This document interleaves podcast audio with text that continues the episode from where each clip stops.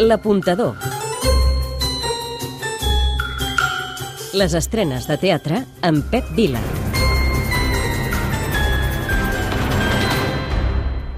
Carlota Subirós, de El quadern daurat, ara a La nit de la iguana.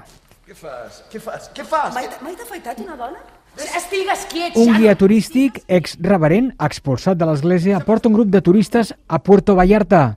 Allà es trobarà amb un antic amant i el seu destí el marcarà ni més ni menys que Tennessee Williams. Gran estrena aquesta setmana a la sala gran del TNC. Només cal que em repassis una mica la barba. L'aposta de l'apuntador. Tres motius per veure-la. Eh?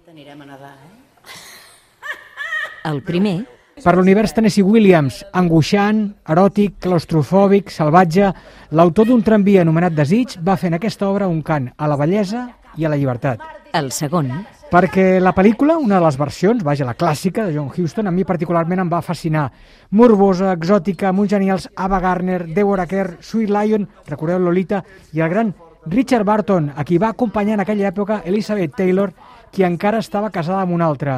Va ser un gran rebombori de rodatge, grans records. el tercer, Si Houston, John Houston, es va rodejar d'un gran equip, la directora Carlota Subirós no s'ha volgut quedar enrere.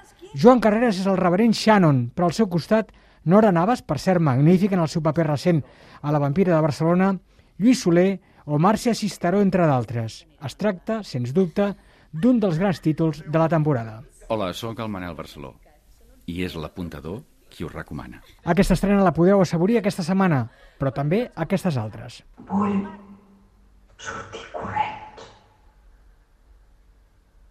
Vull fugir. Estigmes, Sala Flyhard, la infertilitat femenina. Després de refraccions, on es parlava de les repercussions en una parella de decidir si es tenen fills o no, ara es parla d'un tema tabú. El 17% de la població espanyola té diagnosticada la infertilitat. I el problema és que la natalitat cada cop és menor.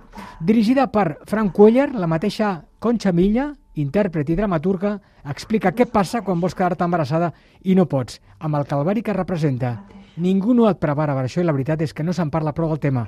És un tabú, vaja, és un estigma. A mi m'agrada fer les coses ben fetes. Jo, si no sé ben bé del cert que agafo, m'estimo més no agafar. El seu deure és endur-se... El bon policia, Maldà.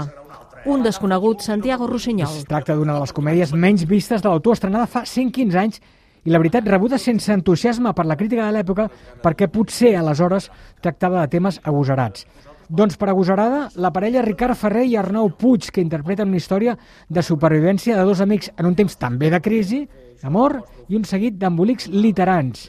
L'obra posa en evidència els prejudicis socials, l'arbitrarietat de la justícia i defensa la llibertat de viure. Per cert, aquests dos personatges, aquests dos actors, estan brutals. Interpreten a 10 actors. Maria Antonieta, Gaudí Teatre.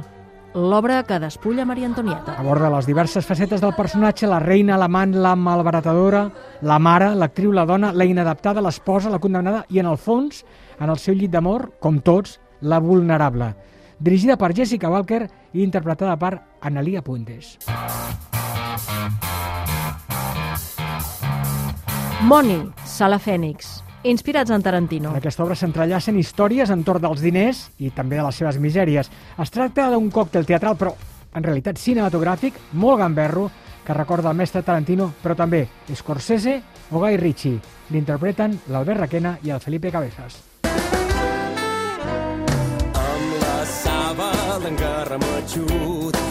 On és la fa d'alegria? Aquitània Teatre. Teatre infantil i familiar. Es tracta de la quarta temporada d'un espectacle musical i per a tots els públics. Cada dissabte i diumenge, al matí d'aquest mes de febrer, i protagonitzat per Benjamí Conesa, Rocío Raval i Joan Saez. L'apuntador. Les estrenes de teatre amb Pep Vila.